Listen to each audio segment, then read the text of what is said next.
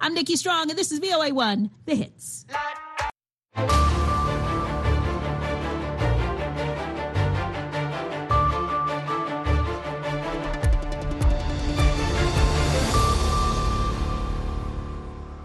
halkani waa washington laanta af soomaaliga idaacadda v o a oo aad ka dhegeysanaysaan mawjadaha gaagaaban efemada geeska africa iyo caalamka oo dhan oo aad nagala socotaan v o a somaly com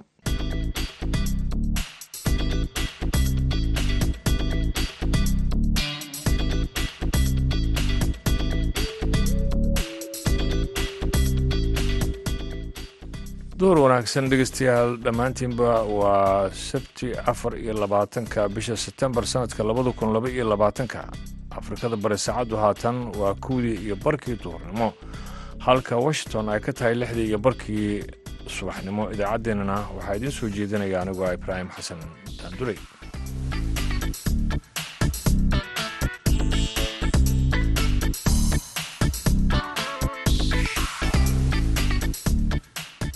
waxaad maqli doontaan barnaamijka madasha dhallinyarada oo maanta ku saabsan doorka haweenka ee cilmiga injineernimada iyo caqabadaha ay bulshada kala kulmaan. Caqabadaha ugu waaweyn ee na haysta gabadh ahaan inaan fiilkan barnay ku shaqayno oo suuqii soo galno horta wax adag festival waxaa ku qabanaysaa gabadhnimadii. Sihiina waan idinaynaa hase yeeshee ku soo dhowaada marka hore warkii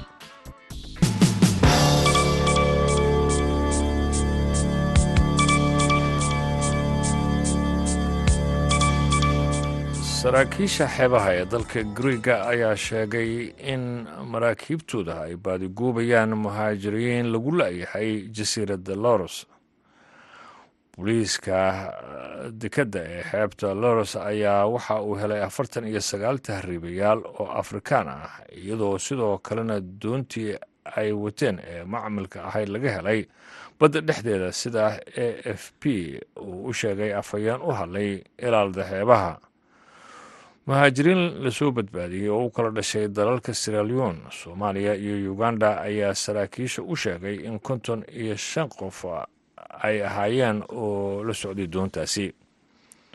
War ka soo baxay ilaalada xeebaha ayaa waxaa lagu sheegay in la bilaabay howlgal samata bixina ilaalada xeebaha ayaa howlgal labaad waxa ay ka bilaabeen baylos oo meel ka baxsan xeebta koonfurta galbeed ee griiga ah kadib markii laba markab oo kuwa ganacsiga ay u gurmadeen. Siddeetan iyo shan tahriibayaal oo la socday dooni macmal ah oo dhibaato la soo diristay. Safarka halista ah ee muhaajiriinta ay kaga soo gudbayaan badda ejan ee xeebta galbeedka turkiga ilaa bariga griiga ayaa galaabtay nolosha tahriibayaal badan sannadihii la soo dhaafay.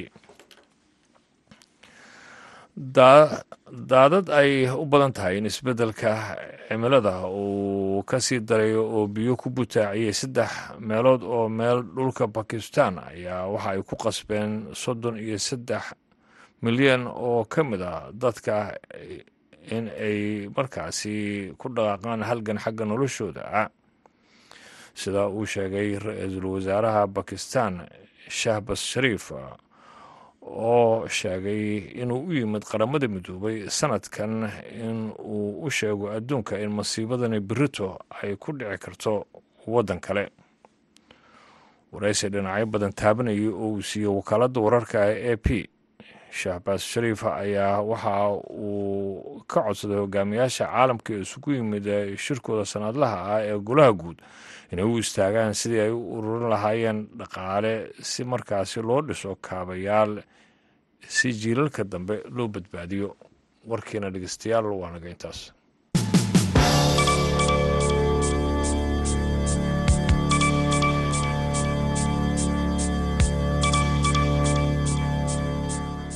duhur wanaagsan ayaan dhegeystayaal mar kale idin leeyahay. Haatana waxaad ku soo dhowaataan barnaamijka madasha toddobaadkana. Waxaa soo diyaariyay oo soo jeedinaya haashan sheekh cumar good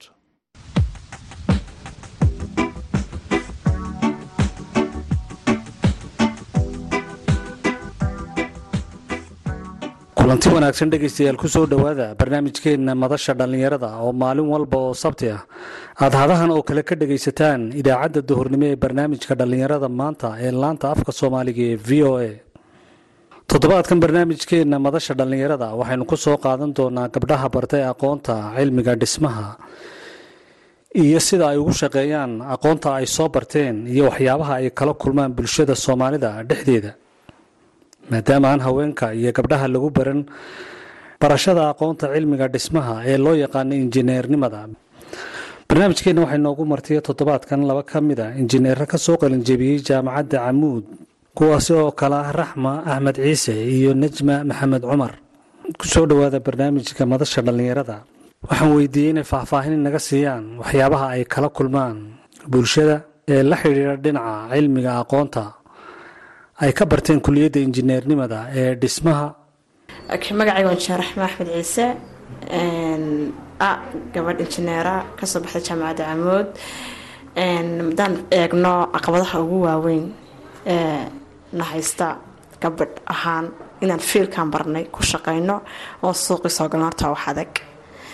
Farastman waxaa ku qabanaysaa gabadhnimadii. Dadkeenu ma aaminsano oo mana haystaan in hablo wax qaban karaan dee markaa waxaan oran karaa taasina waxay u baahan tahay dhabar adeeg. In habluhu dhabar adeegaan bulshaday tusaan inay wax qabtaan hamiga iyo rooyinkay leeyihiin ay ka mirdhareeyaan waxaa ugu yar qofka saytka kula jooga odayaasha. Kaasaa kaga bilaabaya ferasti wana isagoo kuu shaqeynaya. Dee hablaa tihiina waxaan hawshiini maaho qaban kari maysiin markaa taasaa yaa qabado badan. Oo xitaa daas tiraahda iminka bir xarayso u tirsana tiraahdo aduka dowladda yaryaro feera oo aad xaraysan kartaa nasiibkaaga. Laakiin ku kale jender balance waxa dhaxa ku qabanaya. Najma? Magacaygu waa najme maxamed cumar. Horta caqabad badan baa hortaagan markay gabadhu barato injineerinka waa waxaan looga baran inay hore u bartaan. Markaa markay bii-adii ku yaryihiin dadkii baranayay waxaa dhacaysa inay caqabada hortimaado. Gabadh waxaa lagu yaqaana inay inta badan waxay bartaan caafimaadka businesska meelahaas iskaga dhex jiraan. Laakiin injineerinkii waa rag inta badan waxay ku oranay xitaa markaad baranaysid waa faculty adag maxaa kuu geeyay waa facultigii ragga. Si ay u kala soocan yihiin oo la yirda kaasna rag baa baran kara kana dumar baa baran kara. Soo markaa waxaa jira caqabado aada u badan oo runtii hortaagan dumarka markay noqoto dhanka shaqada. Laakiin taa waxaa lagaga gudbi karaa waa gidaar adag gidaarka adag waxaa loo baahan yahay cid oo u dhabar adeegta. Dhabar adeegaasina ma oranaya waa wax sahlan wax aada u adag oo u baahan in ay gabadhu runtii iska dhigto qof adag. Taasun baan oran karaa way kaga gudbi kartaa injineer raxma intii ka sokaysay muddadii aad ka qalinjabiseen kuliyadda farsamada amase injineerinka ee jaamacadda camuud ilaa iyo hadda maxaad qabateen? Horta markii ugu horeysay anakoo dhigana jaamacadda baa waxaan isku daynay aniga najmi inaan ka shaqeyno saytka guryaha oon la shaqeyna shirkadaha horeba gu jiray magaalada. Kabacdi markaan dhammaynay waxaan ka shaqeyn jirnay briishka jaamacadda camuud iyo isku xidha magaalada. Intaa markaan qabanay waxaan isku daynay inaan sameysano shirkad. Magaceega layirahdo fogaan arag oon labadayadu leenahay. Waxaan isku daynay inaan bulshada wax ka bedelno. Waxaan isku daynay deyrka adag ee haweenka haysta inaan dumi karno. Shirkadaasaan aasaasnay waxaan isku daynay si volonteera inaan bulshadii ugu adeegno. Oon waddooyinka iyo baahiyaadka jira aan wax ka qaban karno. Laakiin dee waan qabanay kow laba ah laakiin halkaan rabnay weli. Amba islahayn bulshada uga faa'iideyn kartaa maanu gaarin. Injineer najma ma jiraan shirkado dhismaha ah oo wadanka laga leeyahay oo ay leeyihiin gabdho somalilan shirkadahaasi oo ah kuwa dhismaha shirkadiinan fogaan arag la mida markii hore may jirin oo shirkadeedaaba ugu horeysay shirkad dumara ay leeyihiin oo la furo balse laakiin iminka waxaad moodaa in ay soo yaro badanaya la soo fahmayo gabadhii ay soo fahmayso waxaan ay baratay inay ku shaqeyn karto. Hargeysa iminka waxaan ku arkay shirkad dhismo ah laakiin aan lahayn saad injineer iyo waxaas laakiin leh dhisaynkii taasaan arkay gabadh baana iskale muddo iminka sanada baan malaynayaa inay jirto. Hadda waxaa moodaa in la soo fahmayo. Alxamdulilah taasina waa wax loo baahnaa markii horeba injineer raxma maadaama shirkaddii aada aasaasteen ee dhinaca dhismaha aad kaga qeyb qaadanayseen aqoontii aad barateen aad doonayseen inaad ku shaqaysaan hadda maxaad qabataa? Maxaadse ku shaqaysaa? Halkeed ka shaqaysaa? Ha horta shirkadii weli maanu xirin weli rajadeedii maanu dhigin waan wadnaa. Insha alla waxaan rajeynaynaa inay halkaa rabna gaadho. Iminka waxaan joogaa anigu hay'adda waddooyinka r d eeda oo fiilkii kama dhex bixin. Weli waan ku shaqeeya fiilka injineernimada najma haa waan ku shaqeeyaa aqoontayda injineernimadkii waxaan joogaa wasaaradda biyaha qeybta injineerinkan jooga halkaasaana kaga shaqeeya. Shirkadii fogaan aragna muxuu ahaaye iyada markaan u helo tartan waan tartamaa. Markaan shaqo u helo waan ku shaqeeyaa. Midaan rajo dhigay maaha waxaa jira gabdho badan oo jecel inay bartaan farsamada gacanta amase injineernimada maxaa idin fariin u diri lahayd ma inay gabdhuhu bartaan aqoontan farsamada ee injineernimada. Hablaha bartaa injineernimadka ama raba inay bartaan waxaan ku boori lahaa inay bartaan iskana dhameeyaan jaamacadooda. Caqabado badan baa kulleyba hortaagnaanaya hadday barato business iyo hadday barato engineering. Balse laakiin caqabadaha badan si uga gudbi laheyd weyna falowgeeda qabataa. Waxba si yaroo fudud laguma helo oo roomaba maalin kaliya kumay dhismin. Shaqo kastaana waxay u baahan tahay in loo dhabar adeego juhdi la geliyo loo dadaalo. Marka qof kastaaba dadaalkiisa ku xiran tahay siduu shaqo u heliya siduu shaqo u abuuran lahaa. Marka ha bartaan hana soo baxaan waana ku boorinayaa taas. Iyada oo ay jiraan haween muruqmaal ah oo gacantooda ka shaqaynaya see loola yaabayaa gabdho waxbartay oo guryo dhisaya? Way kala duwan tahay. Difference baa udhexeeya hooyooyinka muruqmaalka ah ee subaxii intay kacaan u shaqo tagaya guryihii amba meesha dhismo ka socotay. Waxay naga duwanyihiin iyo kuwa dumar yoomiye ku xisaabtamaya. Laakiin image garayso waa gabadh tiri guriga oo dhanba. Anaa dhisaya anaa qiimeynaya anaa qadaraasanaya anaa waxaa wadaya taasaa bulshadeena ku adag. Laakiin hooyinkan muqarmaankii haddii yaka waxay u baahan yihiin u doonayaanba waa yoomiye. Oo wandhayga xaqoogii ku shaqaysanayeen markaa differencekaasa noo dhexeeya dumarka iyo anaga injineer najmo weydiiyo wax weeye haweenku dhaqan ahaan soomaalida. Iyagaa guryaha dhisi jiray guri soomaaligii marka loo noqdo. Maxaa loogu diidayaa maadaama markii horeba ay haweenku dhismaha qayb ka ahaayeen inay dhisaan guryahan casriga maadaama ay aqoontiina soo barteen. Anigu waxaan is leeyahay waa la ismaandhaafsan yahay waxaad moodaa in la ilaaway haweenkii horeyna iyagu guryahooda dhisan jireen. Marka imika iyo mar labaad iyo mar saddexaad waxaan ugu celinayaa bulshadeena inay xasuusnaadaan inay dumarkii hore waalidkeenii hore iyagu guryahooda dhisan jireen. Guriga dhagaxa iyo gurigeeni aqal soomaaliguna dekii aqal soomaaligii baaba ka adag. Dhisma ahaan markay noqoto oo farsamo farsamo kale ugu baahan yahay isagu. Kan dhagaxa iyo jaajuurka laga dhisayaana dee muka fududyihin baan arkaa kii hore? Injineer raxma wax hawshii hore dumarku soo qaban jireen. Tan baa ka fudud imika waayo dumarkeeni hore dhaqankeeni markaa dib ugu noqona waxay sameyn jireen. Aqal soomaaliya kaa dhisan jiray. Dhigta aloorka kabada waxba iyakaa samaysan jiray. Laakiin tan way ka duwantao waxaan maalish garaynayuun maaha wax culaysa oo anigu aan qabanayo. Sida kale dee mixturka kale ma gurayo laakiin managementkii waan leeyahay dhisaynkii iyo controlkii inaan sidii wax loo qabanayay controlo marka tan baaba uga fudud bulshada. Haddii dumar loo naxayo ee weli waxay nagu yara jiraa. Dumarka waxaa ma qaban karaan. Taasaa la aaminsan yahay. Laakiin naxdana day jirto. Tan baa uga fudud. Oo aqal soomaaligii cidgumay nixi jirin. Najma waxaa jira gabdho badan oo qurba jooga amase wadanka gudihiisaba jooga oo ganacsi leh. Kaasi ama qurbajooga amase wadanka gudihiisa jooga guryaha ay dhisanayaan. Maxay idinka oo waxbartay oo haweena ay idinku aamini lahayn waxaan isleey waan la isgaarinuun hadday markaa ogaadaan inay habla jiraan injineera oo dhismihii ku dhex jira waxaan leeyahay uun haloo soo dhiibto hablaha injineerada iyagaana idinka wanaagsan markay noqoto halka ragga dumar ahaana dee isku aan weydiiye nijma haddaan injineer raxma adigana ku weydiiyo. Anu waxaan is leeyahay dumarka dhinac kastaa qalad baa ka yar waxay soo dhaafilayeen reernimo. Markaa xagga aqoonta waayo dhinaca soo yar eegaan baa le horeernimadaa soo dhaafaanoo habluhooga waxbartay ha dhiirigeliyaan xaqiiqata haddaan qacmaha isqabsanin baa darbigaa la jabin karaa. Marka guri la eego dhismihiisana dee dumarka uga wanaagsanoo garanaya meel walba halkay ku habboonayd marka ayakana waxaan leeyahay hablaha dhiirigeliya waa hablihiinii waxbay soo barteen aqoon bay leeyihiin. Jaanisa ka faaidaysta maadaama ay tahay aqoontan injineernimadu mid aan hore looga baran gabdhaha. Qofku wuxuu isweydiinayaa horta gabdhahani guryo may soo dhiseen ma dhisi karaan mise ma dhisi karaan? Qofka sidaa aaminsan siad wax u fahamsiin kartaan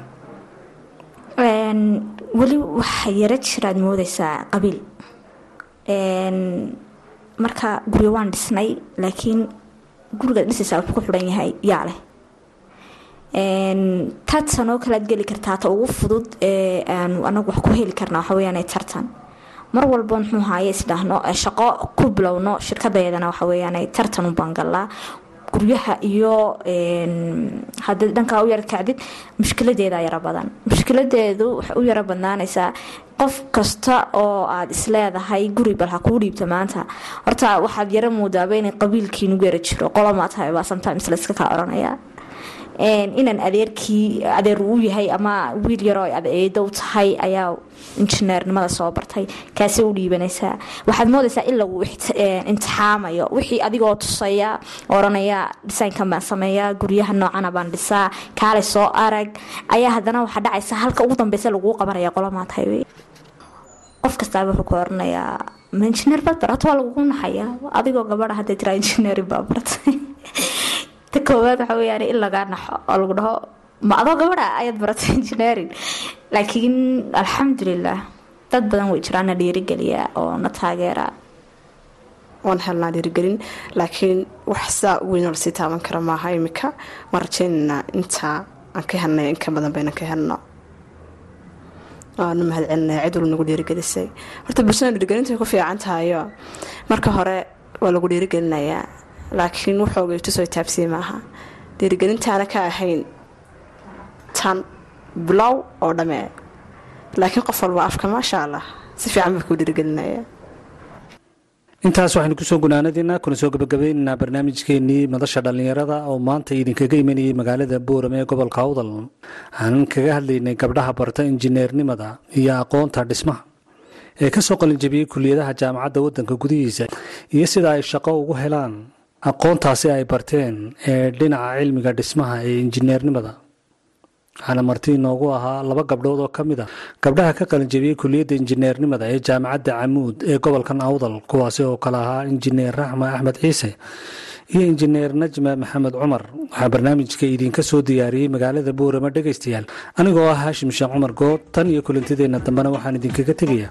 Sidaas iyo nabadgelyo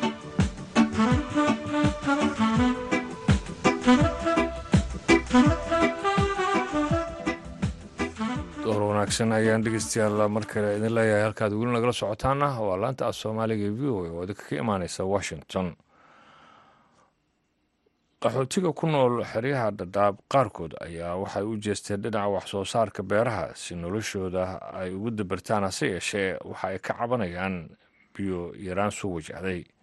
Wariyaha v o a axmed nuur maxamed cabdulaahi yogol ayaa warbixintan ku eegaya beeraleyda qaxootiga ee ku nool xerooyinkan qaxootiga ee dhadhabaya waxaa soo wajahday biyola-aan iyagoo sheegay in biyola-aantan saameyn fara badan ay ku yeelatay. Dalagyadii kala duwan ay ku abuurteen. Beeraha ay ka samaysteen gudaha iyo weliba sidoo kale duleedka xerooyinkan qaxootiga ee dhadhaab waxay sheegeen in biyola-aantan ay saameyn fara badan ay ku yeelatay. Dalagyo kala duwan oo xilligan joogay xilligii ay gu'i lahaayeen islamarkaana ay u suuqgeyn lahaayeen suuqaqa ku yaalla xerooyinkan qaxootiga ee dhadhaab intii aan ku sugnaa beeraha ay ku leeyihiin duleedka xerada qaxootiga xagardhe dheer islamarkaana masaafo dhan laba kilomitir ay beerahan ka samaysteen ayaa waxay indhahaygu ay qabanayeen dalagyo kala duwan sida yaanyada mooska liinta iyo weliba sidoo kale dalagyo kale oo markaasi oon ba'anu ka muuqdo. Waxay sheegeen in dadaal fara badan iyo xoogba ay geliyeen sidii ay beerahan u intifaacsan lahaayeen balse biyola-aantan ay saameyn ku yeelatay islamarkaana ugu badnaan hal saa ay biyo helaan taasi oon ku filayn dalagyada kala duwan ee ku abuuran halkan. Qaar ka mid ah beeraleyda qaxootiga dhadhaab oo la hadlay v o a ayaa waxay oga warameen saameynta ay ku yeelatay biyola-aantan xuseen maxamed ber tacabkii oo la rabay mala qaban karo. Si ma ballaarin kartid macnaha sidaa rabta uma shaqaysan kartid biyaha. Waa yaryihiin biyaha. Aad iyo aad ba u yaryihiin biyaha. Sidii la rabay maaha marka dhibaatooyinka aad ku qabtaan maxay yihiin biyaha? Dhibaatooyinka dee biyaha waxaa waaye saac unbaa lagu siinaya saacna dee beer laguma laguma tacbi karo. Saac iyo saac galabtii eh unbaad leedahay bes. Ama nus saac nus saac galabtii nus saac galabtii subaxii ah intaasaa leedahay oo adiga lagu siin karaa bes marka caqabadaha ugu badan ee idin haysta ma dhanka biyo la'aanta? Caqabadaha ugu badan waxaa waaye xagga biyaha iyo xagga maaragta maaragta biyahan oo daadka iska imaanaya oo ayagana oon fariin lahayn oo xukun aan lahayn ayagana in lala xakameeyo oo ayaan u baahnayn ayagana oo sida xilliga sida daarta ama guga markii la galo oo kale ah. Waxaan kor taaganahay mid ka mid a dalagyadooda abuurteen gaar ahaan waxaa ii muuqda yaanyada sidoo kale liinta. Waxaa kaloo ii muuqda moos. Marka dhammaantood waxaad moodaa inay ka muuqato saamayn dhanka biyo la'aanta. Marka ma idinku adkaatay inaad sii wadaan abuuridda dalagyada waxaad bilowdeen yaanyo inaad ku abuurteen oo markaasi cusub. Aad iyo aad waxaa waye biyaha yaanyada marka tacabto waxay u baahan tahay biyo joogta ah ood adiga maaragta aad sii wadayso tacabkaadi aad ku sii ballaarin lahayd ayadii oo mar labaad mar saddexaad biyo u baahanayso adiga waxay u baahan tahay biyo ayaga qaas u ah inay hesho muhiim ahayd marka hore. Marka taas hayada ayadana ma hayno hadda magarata marka maxaa kugu dhaliyey adoo xero qaxooti jooga markii hore inaad beeraley noqoto? Wallaahi camal kale ana hadda aan garanayo ma lahayn. Waxaan igu dhaliyey camal hadda maanta oo aan shaqo kale aqoon malihi oan ku shaqaysto. Tacab soomaaliya markaan joogay waxaan ku shaqaysan jiray beer. Haddan ma halkaa markaa imaadeen aan carruurteeda la imaadeen ayadana camal kale aan waayna ilmihii waxbarasho ay u baahan yihiin. Marka inaan dhul aan dhul beerto oo taas ayaa igu kaliftay. Biyo la'aantan idin soo wajahday haddaad tihiin beeraleyda qaxootiga ah. Ma kala hadasheen hay'adaha samafalka? Waxaan ognahay hay'adda u n h c r oo markaasi caawinaysa hay'adda maxalliga faa'ida in haamahan biyaha haatan beerahaad ku waraabinaysaan ay idiin sameeyeen. Marka ma u sheegteen dhibaatada dhanka biyo la'aanta idin soo wajahday haa taas way jirtaa. Qorshahaba marka hore iska yaraaba. Qorshaha marka hore biyaha beeraha loo gaaray mid ku filanba ma aheenba marka iyada wax way qabatay hay'adda alxamdulilah laakiinse way xogaa waa nugu yar yihiin. Sidaan rabnay ma aha. Waxaan rabnay in naloo bariyaa naloo ballaariyo oo biyahaas beerta ama biyo qaasa aan ceel beerta nalooga qodo aan baraag naloo sameeyo oo beerta ku filan beertale ku filan ah marka markay timaado qof xero qaxooti jooga oo beeraley noqday maxay noloshiisa ka bedeshay wallaahi aniga hadda kulley beerta horta waxyaabo badan baan ka faa'iidnay. Hadda waxyaabihii dalaga hadda laga helo haba iska yaraadaane laakiin waa iskaga noolnahay.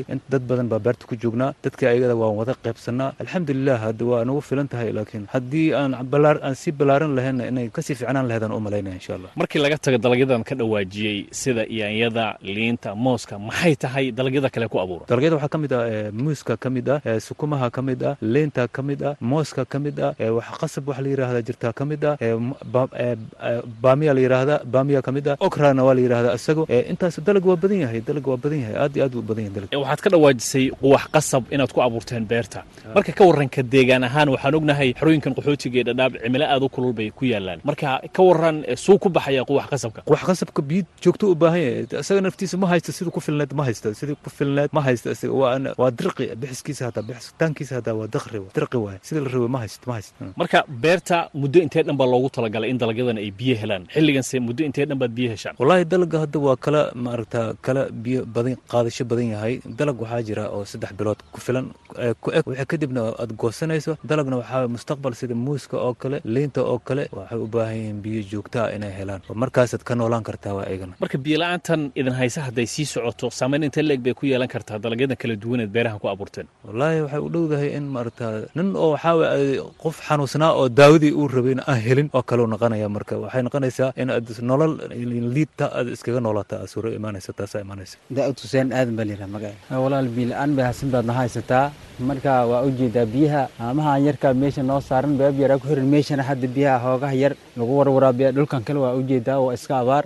Marka biyaha waa nagu yareen biila-aan bay hasnan haysataa. Marka saamaynta ugu badan idinku yeelta maxay tahay biyo la'aanta? Biyo la'aanta waxay nagu saamaysay dalagyadii inaga abuurnayba qaar had waa u jeedaa oon ay u dhimanaysaa. Waa kaa dhulkaa waa ujeeday biyo la'aanaa u dhintay dalagan dhulkan oo dhan markii hore biyada waa abuuri lahayn. Ilaa kan waa tacbi lahayn haddaan biyaha oo nagu filan aan helno. Marka biyo intee dhan baad maalinkii heshaan? Biyo yar baa biyo yar baa nala siiyaa galabtii soddon daqiiqa yaa nala siiyaa iyo gelinkii horena soddon daqiiqa yaa nala siiyaa axmed nuur maxamed cabdulaahi iyo gol v o a xeryaha qaxootiga ee dhadhaab haatuna waxaan jilleecaynaa dhankii muusiga ku soo dhowaada heesta onkod codkii cabdi